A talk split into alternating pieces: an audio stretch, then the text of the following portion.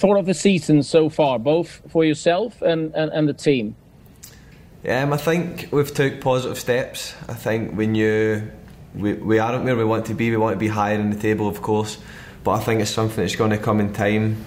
We want to start winning games. We've been performing well in certain games. We've had some good results, but we want to be consistent with the results. And for yourself? For myself, I'm happy just to play. Um, anytime I'm given the chance to play, I'm grateful and I'm happy. So I will give 100% anytime.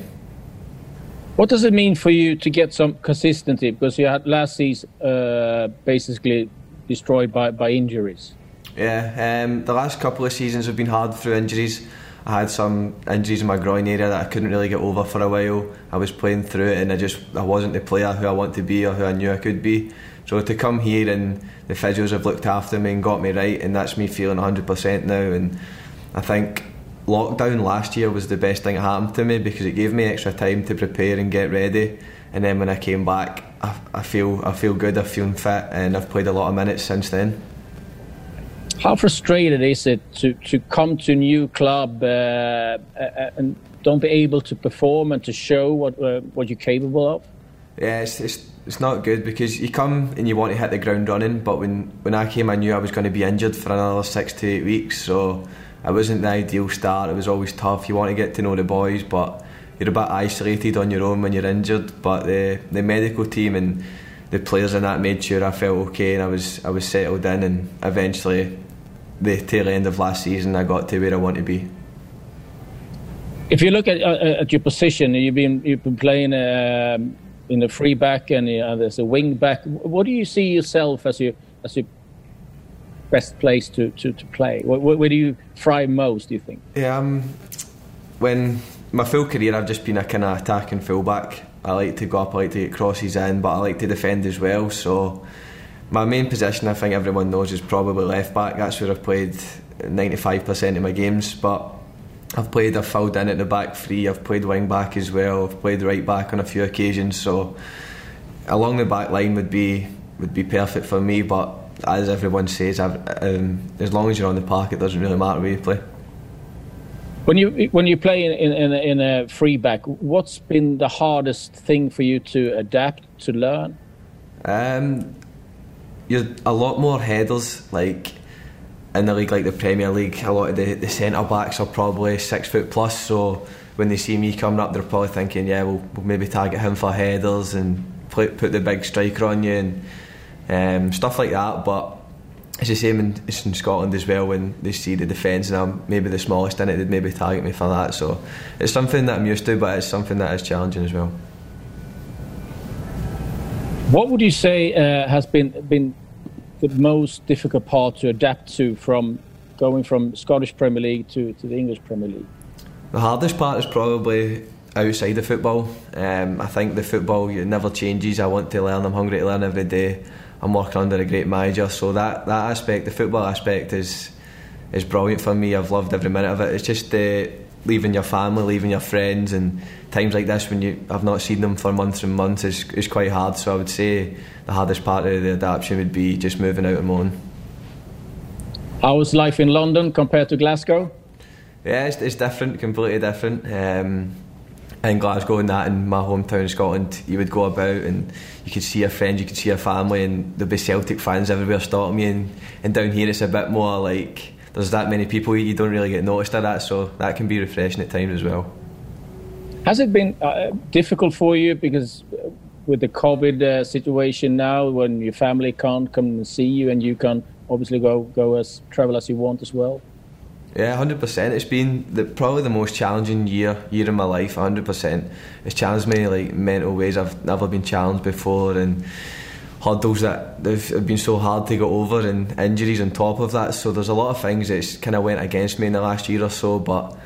Um, after lockdown, I started to see the light. Um, I played more games. I had more belief in myself, and that's came from the manager and that as well. So I've got a lot to thank him for. What did you do during lockdown to keep sane? Um, had to do workouts every day. Um, Arsenal, the medical team, that were keeping top of me, making sure I was staying fit and doing all I can, going out runs and stuff like that. And of course, every single night I was playing PlayStation for hours and hours. So yeah, I enjoyed that aspect of it as well. Are you any good? Um, we'll see. I'm, I'm okay. I'm okay. I'm not the best. okay. Uh, you you working with uh, uh, Arteta now. Uh, what has he brought to your game? An understanding of football. Like honestly, the way he, he understands the game, the way he talks about the game, has made, made me see it in a different way. Made me understand different aspects I never understood before. Um, just different tactical point of views. It's a, a, new way of playing, a new way of working, and I'm loving every single minute of it. And that's one thing I'd say I feel as if I'm learning about football more than I ever have we just see uh, uh, the games, uh, the, uh, the outside uh, of it. I mean, when you say that it, it, helps you in that way, can you give an example of how it works with you, man management or team wise? Yeah, I would just say like when we we play against a different opposition who throw different challenges at you every single week. So they obviously him and the coaches they'll look at the other team and they'll set up how we're going to play against them and who's going to press us and if someone from a certain area presses us, who in our team should be available for to receive the ball. So stuff like that that makes our game much easier on the ball is it's brilliant, especially for a defender when you're getting high press to know where your options are going to be. And I think that's one thing. Like we want to be one brain as a team, and I think we're working towards that, and we're going in the right direction. How re- frustrating has, has the, re- the recent results been in, in the Premier League for you? Yeah, it's been very frustrating because we want to win the games. It's games. If we want to be competing up at the top of the table, you need to win them. Um, we've had a few good results as well. There is positives, and as I've said before, it's not something that's just going to change overnight and click, but it's something where we're all we're all sure and we all know that we're going in the right direction, and we all believe that 100 percent. It's a lot about talking about uh, you. You're not a scoring goals from open play at the moment. Uh, how much does that affect you? How much do you talk about it, or do you just try to work as you do every yeah, day? I think we know we know we need to score more goals. I think anybody can see that the, the league table doesn't lie about that stuff. So I think we know that, but it's not as if we've, we need to change anything drastic. What we're doing in training is the right the right things. But it just it has to click in one game, and I'm sure it will come soon.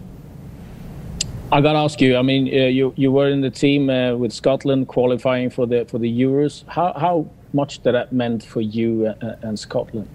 Yeah, that was amazing. Um, the best feeling I've had in a Scotland jersey, and I'm sure it was with everyone else in the team. It's been 22 years of heartache and disappointment for the Scotland fans and the nation, and the the national team take a lot of stick every every camp you go away. You're always like, under pressure with the the press and that. So to come out with some positive press and like especially a year like this, you just give the nation a whole lift, and it's, we're really looking forward to the, the games in the summer. I assume this one game you're really looking forward to, the one against England. Yeah, the last time it was the the two all game I played against England, and Leigh Griffiths scored two free kicks, and then obviously Harry Kane equalised late on, which was a hard one to take, but.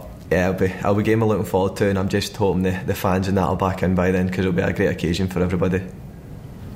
I, I got to ask you. Um, well, I know you played with uh, uh, Mikael Lustig in, in, Celtic. There's another Swedish player who's uh, doing really good now in, in uh, AC Milan. Zlatan Ibrahimovic, 39 years old. Uh, do you keep track of him? what do you say about his performances at his age? I think it's amazing to be doing what he does at his age. is incredible. Um, and if he's anything go by, like Lustig's a great guy, and he played in the national team with him. He says amazing things of how he trains and how he works. So yeah, for 100%, he's a role model for any any kid because people expect you to be retired at 34, 35, but to be still doing that at the top of your game at his age, it's, it's amazing. Is it something you talk about with the team, uh, the way he produces? Yeah, and I think you, you even just go on social media and you can see what he's doing. Um, I don't watch a lot of the, the games in Italy, but I obviously keep track of the scores and who scores, and obviously the the he's top goal scorer I think right now. So to be doing that um, consistently for his full career is incredible. I got to ask you. I mean, you're talking about the way he trains and uh, take care of himself. How much time do you spend on? Uh, preparing yourself for, for training and for, for games? In the last few years, since I got my groin injury, it's been a lot more. I think I took for granted. Um, like I used to just go out and train and just play like it was just street football all the time.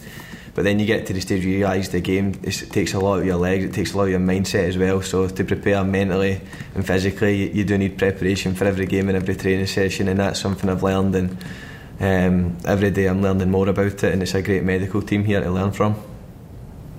Physically, mentally, how's this season been with a, with a, with a lot of uh, uh, games coming up thick and fast? Yeah, and for me, I prefer games coming all the time. You don't like to think about one game too often. Like if it's Sunday and then the next Sunday, it's just a long time to dwell on a result if it's good or bad.